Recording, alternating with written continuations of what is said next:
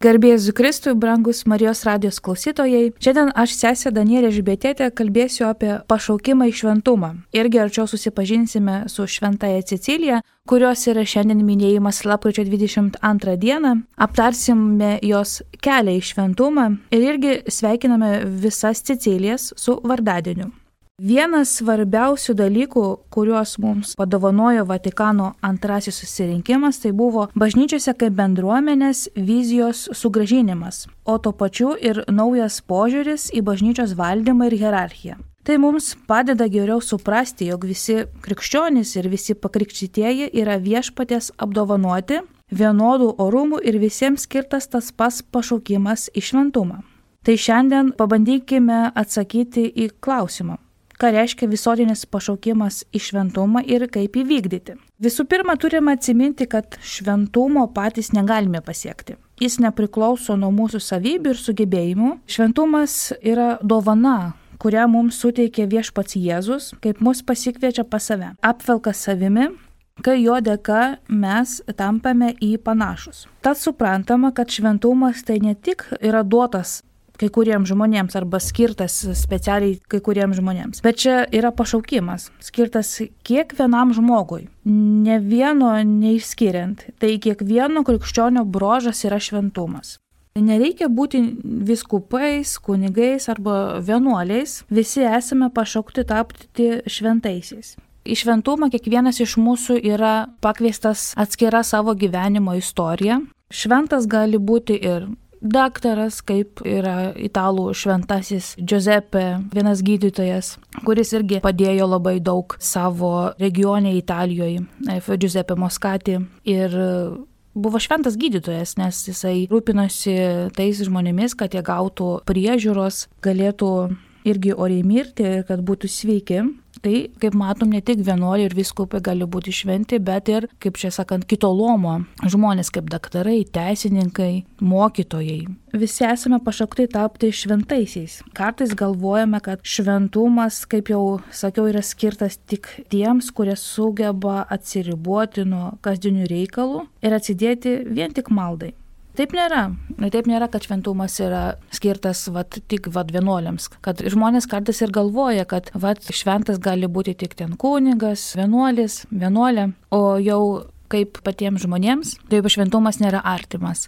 Aišku, tai irgi kyla nuo, nuo šventųjų vaizdavimo, nes prieš, prieš labai daug metų, kaip šventieji buvo betifikuoti arba kanonizuoti, tai stengiasi žmonės, kad kažkaip tie šventieji taip prisaldinti jų gyvenimą, kad parodytų, kad jie yra labai idealūs, kad jau nuo vaikystės jie meldėsi, buvo labai pamaldus, bet čia yra į tokia iškreipta jų istorija jų gyvenimo.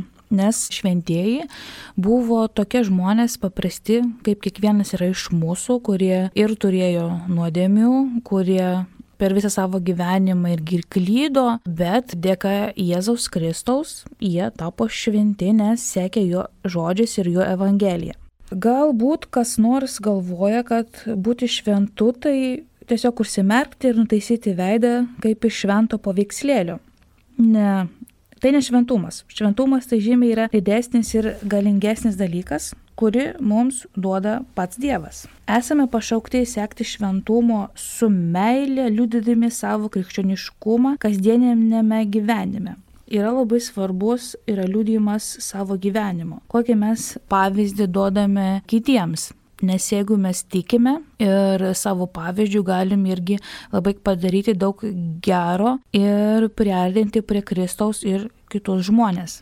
Kiekvienas savo konkrečiame gyvenime ir savo aplinkoje gali sakyti, bet aš, aš tiesiog žmogus, ašgi dirbu fabrike, e, kitas gali sakyti, aš esu buhalteris arba mokytojas, gydytojas ir kasdien tik skaičiai. Kaipgi galima būti šventoju? Žinoma, galima būti šventoju visur.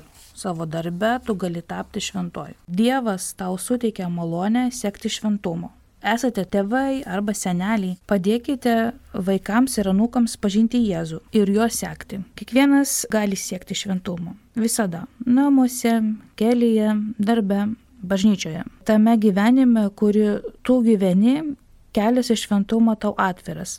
Vienintelis dalykas, kurio viešpas prašo, tai būti bendrystėje su juo ir tarnauti broliams.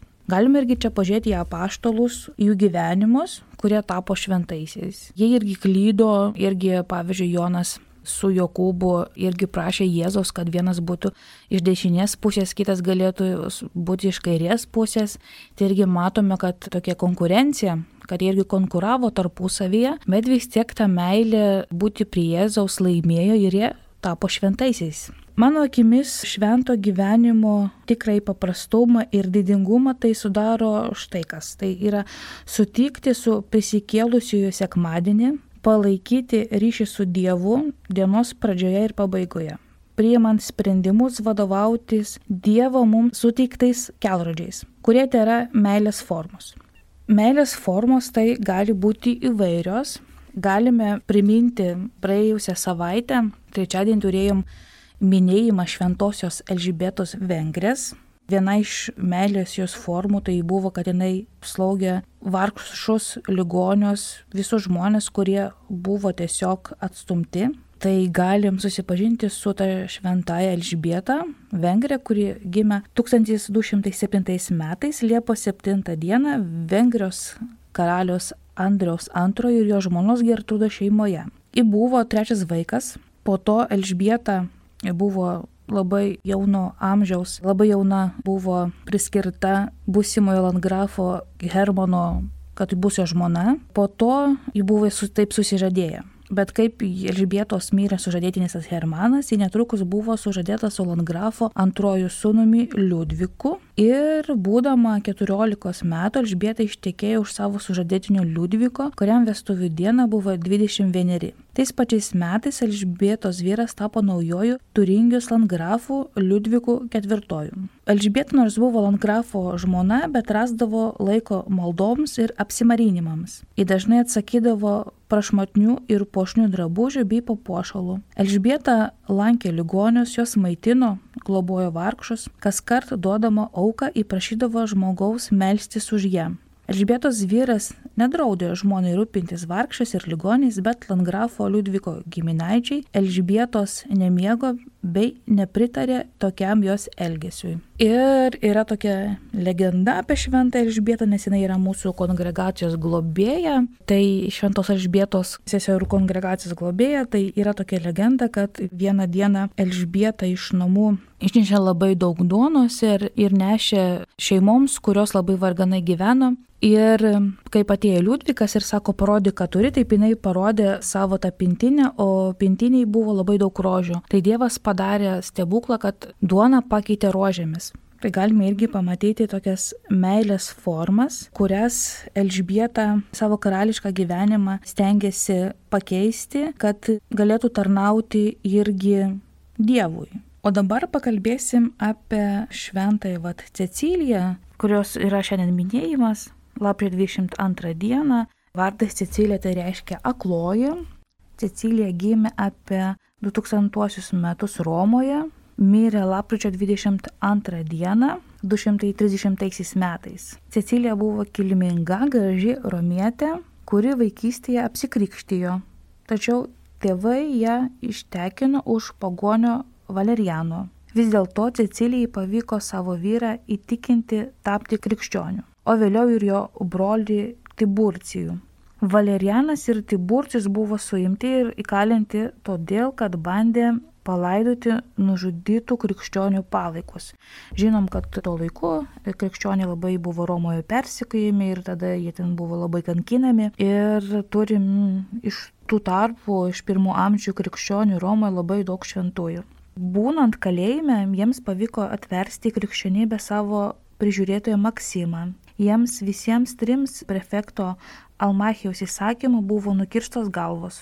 Kai Cecilija juos palaidojo, Almachijus ją surado ir suėmė.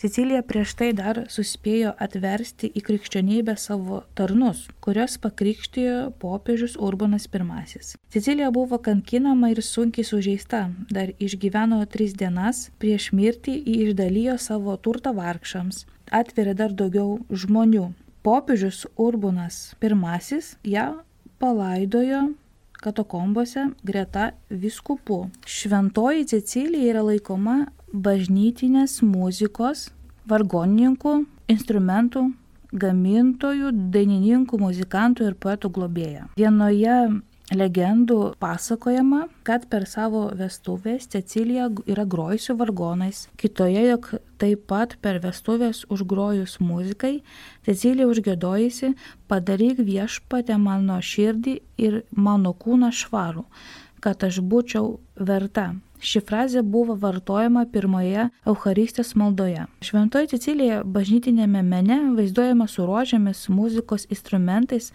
vargonais arba smuiku. Tai žinome, kad šventoji Cecilija yra kankinė. Jis turėjo tiesiog savo gyvenimą atiduoti už Kristų, nes tuo laiku negalima buvo tikėti Kristų, nes krikščionis buvo persikėjami. Ir kaip suprasti, kas yra per bažnytinę muziką?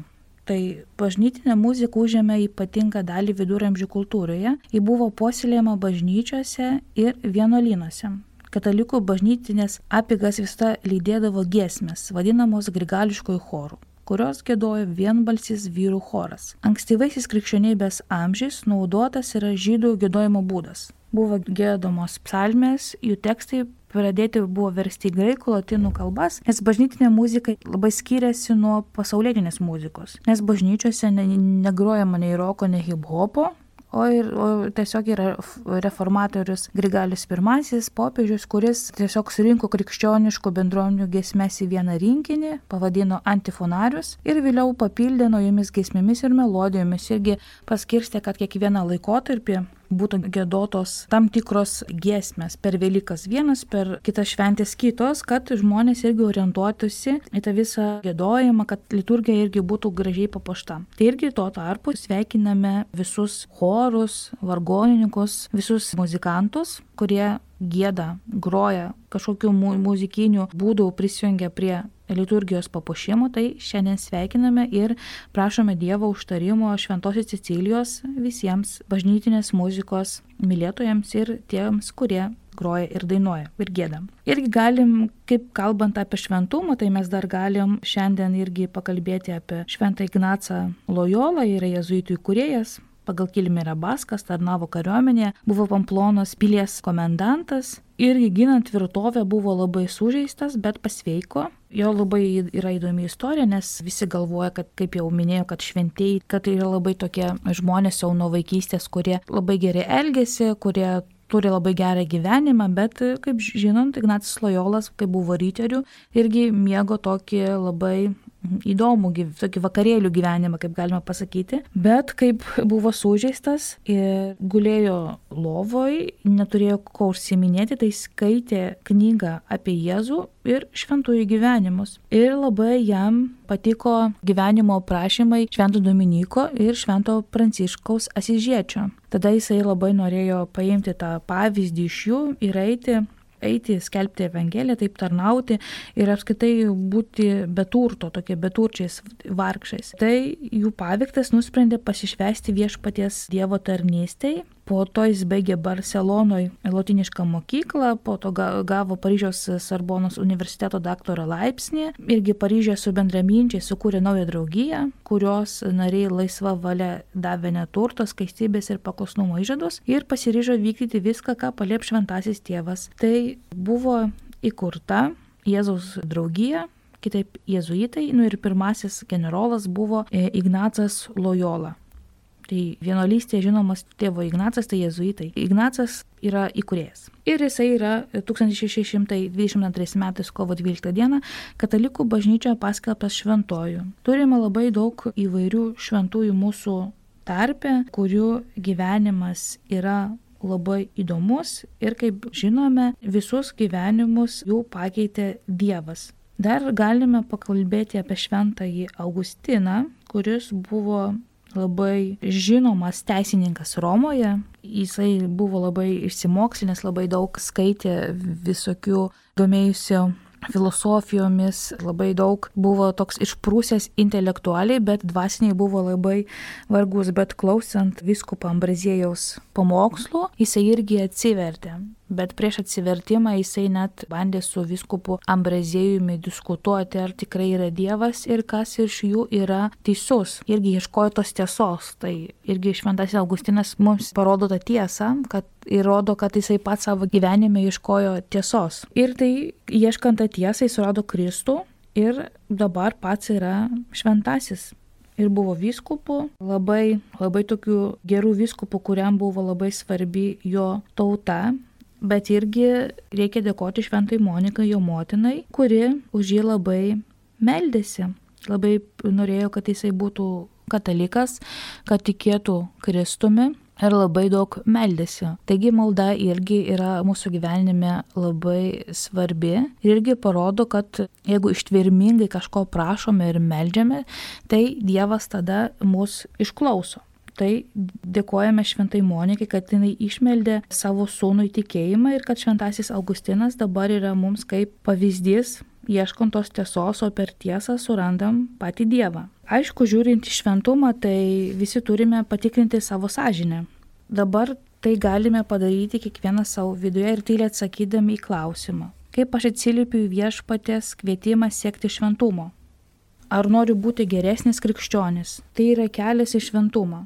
Jeigu mes savyje neatsakysim į tos klausimus, kaip mes atsiliepiam į viešpatės kvietimą siekti šventumo. Čia yra labai geras klausimas, kaip mes, ar mes apskritai savo gyvenime siekiame šventumo, ar mes apskritai įsivaizduojam, ką reiškia tas šventumas. Kaip sakėm, čia yra Dievo dovana, skirta kiekvienam, bet ar mes tą dovaną norim priimti. Ar irgi mes galvojam, kaip galim būti geresni krikščionės kiekvieną dieną kaip irgi ten jau minėjom, kalbėjom apie meilės formas, kurias mes galim išreikšti irgi kaip šventumo formą, tai meilės darbai dabar jau greitai bus kalėdos ir irgi galima būt, būtų benamiams, irgi kalėjimuose arba vaikų namuose vaikams irgi padaryti kokią gražią dovaną, kaip meilės formą. Bet ne taip, kad ten aš nuvešiu ir pastatysiu savo pliusą, kad kažką ge gero padariau arba tiesiog nupirkau, bet ateiti pas pas tą žmogų su juo pasikalbėti, pavyzdžiui, jeigu ten e, su benami pakviesti į savo namus, pavaišinti, tiesiog išklausyti, duoti išsiprausti namuose. Tai čia būtų meilės forma. Eiti į kalėjimą ten, priimti tą žmogų, priimti jį kaip Kristų, o globos namuose vaikai irgi nori, kad kažkas su jais pažaistų, pabūtų, nes mes galvojam, kad mūsų meilės forma tai yra kažką duoti, kažkokį dai, daiktą, bet daiktai tai ne visada duoda tos meilės. Mes daugiausiai norėtume tos fiziškos meilės, kuri mums duoda ir teikia tokį lengvumą ir žinot, kad, kad, kad, kad kažkas mus labai myli. Tai labai visus raginu dabar, kai bus šventės, tai pagalvoti, kaip aš galėčiau prisidėti prie prie to gėrio ir kaip aš galėčiau suteikti tą meilę kitiems žmonėms. Kai viešpats mus kviečia tapti šventais, jis nenori mums užkrauti sunkios naštos. Irgi nenori, kad būtume liūdni. Irgi kaip pastebiu, kad labai daug yra žmonių einantis gatve arba e, važiuojant autobuse, labai tokių liūdnų veidų. Arba visi yra telefone, klauso muzikos, turi labai liūdną veidą dabar čia yra dabartinė problema mūsų gyvenimo, kad mes kažkur visur skubam, labai daug rūpinamės ir apskritai neturime laiko pagalvoti apie Dievą, vat, apie šventumą, kad buvo irgi šventieji, jie turėjo dar daugiau visokių problemų, jie buvo nužudyti dėl Kristaus, bet vis tiek jie buvo laimingi, jie, nu, jie norėjo susitikti su Jėzumi, o mūsų pasaulis va dabar bėga visur, nori spėti viską turėti. Ir tada mes nejaučiam tos laimės. Ir mes irgi nežinom, kas yra laimė, nes daug žmonių galvoja, kad laimė tai čia yra toks dalykas, kad yra geros emocijos, aš šiandien labai gerai jaučiuosi, tai va yra laimė. Laimė tai nėra emocija kuri trunka labai ilgai ir esame euforijoje. Laimė tai yra toks dalykas, kai tu žinai, kad tu turi viską, kas tave daro laimingu. Ir, ir mes daug tokių dalykų nesuprantam dabartinėme gyvenime, nes mes norim, kad būtų efektyviai, greitai ir kad tas jausmas irgi būtų ilgai, o kaip tas jausmas pranyksta, tai viskas mes jau pradedam liūdėti ir sakyti, kad mums niekas nesiseka Todėl kviečiu visus, kurie, kurie klausysis, klausysis šitą laidą ir galvosit, kad irgi vat, jums tai būna, kad, kad visur skubat, per daug galvojat, tai tiesiog kartais reikia pasimelsti, pagalvoti apie Dievą, pagalvoti, ką aš galvoju apie Dievą ir pagalvoti apie tos klausimus, kur, kuriuos šiandien nagrinėjom, kaip aš atsiliepiu į viešpatės kvietimą sekti šventumo. Ir kas yra tas šventumas? Šventumas tai yra tai, tai kvietimas dalintis jo džiaugsmu. Džiugiai gyventi kiekvieną mūsų gyvenimo akimirką, kad mūsų gyvenimas būtų meilės dovana ir tiems žmonėms, kurie yra šalia mūsų. Mes ne visada suprantame, kad reikia džiaugtis tai žmonėmis, kurie yra šalia mūsų. Pavyzdžiui, vaikai dažniausiai pyksta ant savo tėvų, kad jie labai daug iš jų reikalauja kad jie neleidžia labai daug dalykų, bet vis tiek reikia džiaugtis, nes e, kai po to to žmogaus nelieka, tada mes pradedam galvoti, kodėl kad galėčiau kitaip elgtis. Ir raginu visus, kad pagalvoti irgi, kaip jau e, dabar greitai po savaitės bus adventas, irgi pagalvoti apie tos žmonės, kurie šalia mūsų. Gal yra tokių žmonių šeimos arba draugų, su kuriais mes neturime gero kontakto. Čia irgi yra meilės forma iki šventumo, e, kad parašyti nors žinutę, paskambinti, paklausti, kaip tu gyveni, gal susitinkam, o gal kažkam reikės padėti arba atleisti arba atsiprašyti. Tai tokių formų mes labai daug turim siekti šventumo. Ir geriausia jau pradėti, pradėti nuo dabar. Nelaukite, nežinau, mėnesių, metų, dešimt metų, kad e, pradėti e, save keisti, bet tiesiog e, gal tas žmogus, kai paskambinsit, nusteps, kad po tiek metų jūs, jiems, jūs jam paskambinot ir su juo susitikot arba pakalbėjot, labai yra svarbu būti šalia. E, būti tų žmonių, kurie e, yra jau pamiršti, nes tokių žmonių tikrai yra labai daug ir jie irgi reikalauja tos meilės, supratimo, kad kažkas juos pastebėtų. Jeigu mes šitą suprantame, kad viskas keičiasi ir įgyja naują prasme, tada, yra, tada viskas džiugina. O jeigu mes nematome prasmės, tai tada mes va esame tokie liūdni ir galvojam pastovi, kad mums niekas nesiseka. Pradedant mažais kasdienio gyvenimo dalykais reikia pradėti e, mažais dalykais savo gyvenime keisti ir kad ateitų tas džiaugsmas. Baigėsi diena, esame pavargę, bet melžiamės. Kartais būna, kad ateini, esi pavargęs ir iš karto eini mėgoti, bet ir nedėkoji Dievui už tą dieną, už visus e, tos sunkumus, už e, tai, kad gal ir pasisekė kas, kažkas, tiesiog ateinam ir galvojame apie savo poreikius. Bet tas, kuris yra aukščiausiai, kuris yra mūsų kuriais irgi jam yra verta ir reikia padėkoti už tai, nes mes kartais galvojam, kad mums niekas nesiseka ir viskas blogai, bet labai žiūrim subjektyviai ir daug dalykų nematom, kad irgi Dievas laimina ir duoda daug mums tokių labai šviesių, šviesių minčių ir šviesių dalykų, kur mes žinom, kad e, mes patys šito nedarytume. Tai malda tai yra žingsnis į šventumą atėjus sekmadienį dalyvaukime mišiuose.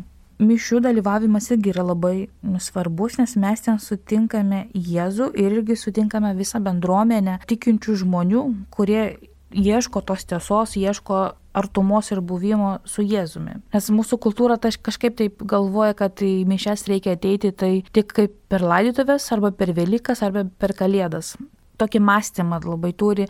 Įdomu, kad tik tris kartus per metus reikia nueiti į bažnyčią, toliau tai jau ten tegul vienuolės, va ir kunigai eina ir meldys arba jau senyvo amžiaus žmonės. Bet čia netiesa. Į bažnyčią, į mišes yra kviečiami visi - vaikai, jaunimas ir visi suaugę žmonės, nes mišiuose mes irgi kūrėme savo asmeninę patirtį ir kontaktą su Jėzumi ir irgi mes jaučiame bendruomenę, nes ateina įvairių žmonių, kurie irgi trokšta tos bendruomenės.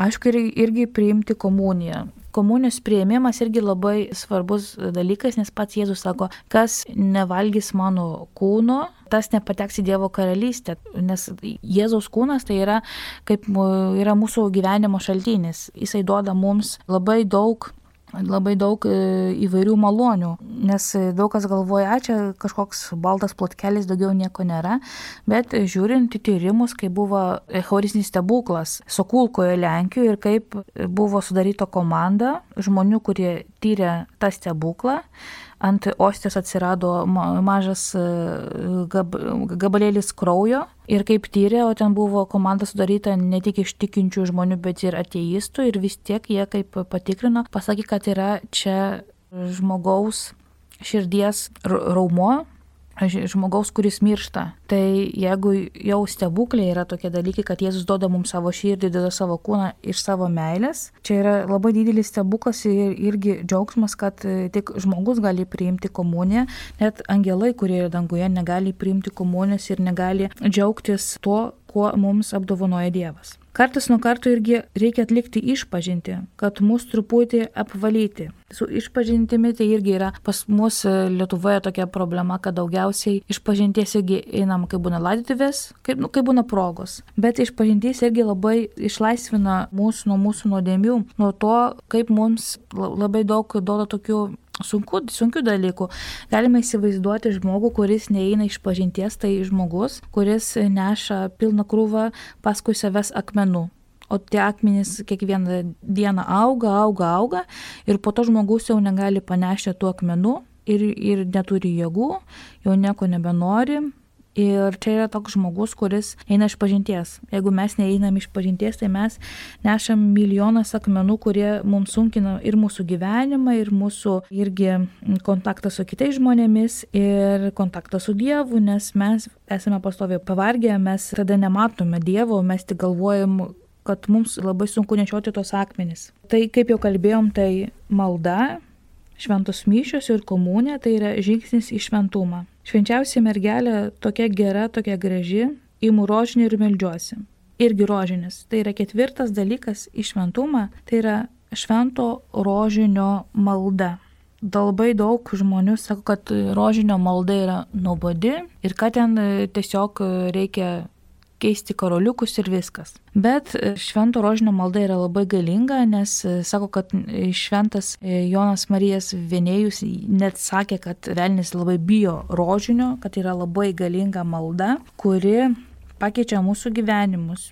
Ir galiu pati paliūdyti, kad rožinio malda asmeniškai man labai daug padėjo mano gyvenime ir pašaukimo atradime ir kasdieninėse varguose, kurios man neduoda ramybės, tai rožinio malda man padeda tiesiog pamiršti tuos dalykus ir žinau, kad Marija savo pagalba ateina. Tai rožinis ketvirtas dalykas irgi yra žingsnis į šventumą. Kodėl, kodėl e, žingsnis į šventumą?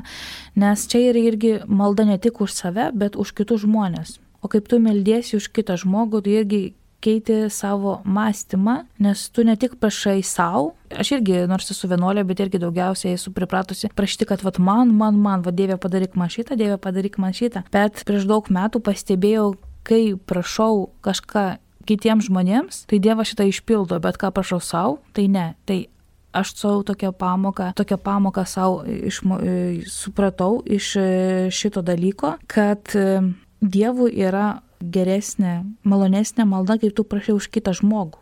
O jis ir taip žino, kas tau yra geriau. Ir taip padarys, kad tavo gyvenimas eitų į tą kryptį, bet malda už kitus žmonės gali pakeisti ir tavo mąstymą, ir tavo asmeninį požiūrį į maldą ir į kitą žmogų. Irgi rožinę maldą yra kviečiame melstis už tos žmonės, kurie, pavyzdžiui, kažką blogo mums padarė. Tada Marija irgi per tą rožinę moko mus irgi nuolankumo. Tai irgi yra ketvirtas žingsnis į šventumą. Daug tokių mažų žingsnių į šventumą. Pavyzdžiui, einu gatve ir sutinku vargšą žmogų. Sustoju, pasikalbu su juo, ką nors jam duodu. Tai irgi yra žingsnis šventumą, bet ar mes taip darom? Kai mes sutinkam kokį vargšą žmogų, ką mes jam sakom? Neduosim pinigų ir eik iš čia.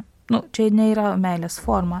Kartais to žmogus ne tik reikalauja pinigų, bet tiesiog pasikalbėti, papasakoti savo gyvenimą, kodėl jis atsidūrė gatvėje, kodėl jis yra vienišas.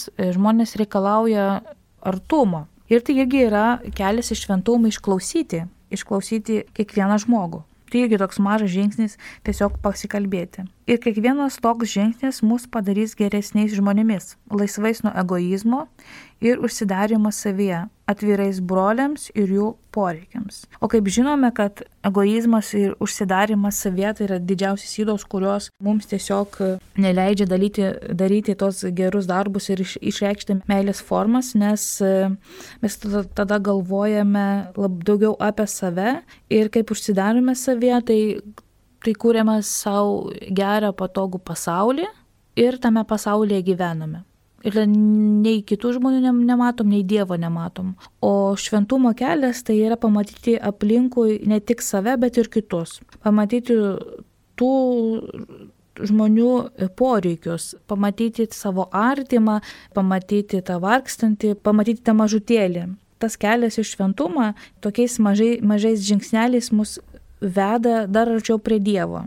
Nes kaip žinant Jėzaus istoriją ir kaip skaitam Evangeliją, tai matome, kad Jėzus labai daug liečia žmonės, jis prisiliečia, jis kalbasi, su samarietė kalbasi, po to ateina paštas, sako, kaip tu galėjai kalbėti su moterimi, jis prisiliečia prie vaikų, jis buvo toks žmogus, kad jis norėjo kiekvieną pastebėti, su, su kiekvienu būti ir duoti nors mažą gabalėlį tos meilės. Ir aš manau, kaip mes katalikai irgi turėtume daugiau skleisti tos meilės, būti daugiau su kitais, o ne tik galvoti, kas duos man ir ir kodėl aš šitą turiu daryti.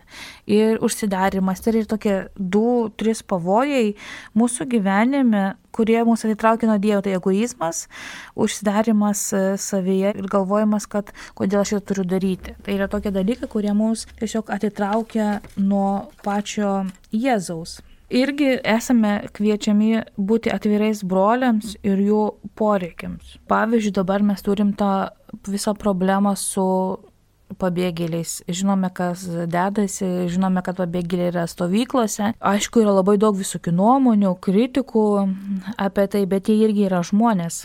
Jie yra tokie patys žmonės kaip ir mes, kai kurie yra katalikai, pakrikštyti, tik į Dievą meldžiasi, bet mes kažkaip nemokam jų priimti, nes mes galvojam, kad čia kažkas net ne tas, kad tik vat, mes esam žmonės, o ten yra gyvuliai ir kokie gyvūnai, bet mes labai blogai galvojam. Čia yra irgi žmonės, kurie nu, pabėgo nuo visokių karų, kurie nori gyventi geriau ir galvoju, kad mūsų irgi yra, būtų atviras e, toks e, dalynimas su jais, kad, nežinau, paukoti nesakau apie pinigus, bet kokių drabužių, ten vaikams, šeimoms, kurie yra stovykloje, nes stovyklose ten yra labai daug žmonių, kurie irgi kuriems reikėtų pagalbos, ne tik ten finansinės, bet tiesiog irgi pasikalbėti, pabūti su jais ir gerti arbatos ir priimti tos žmonės, kokie yra, nes kiekvieno patirtis yra įvairios ir toks dalykas irgi mus vestų iki šventumo irgi mums yra skiriamas raginimas pirmąją Šventro Petro laiške. Tai yra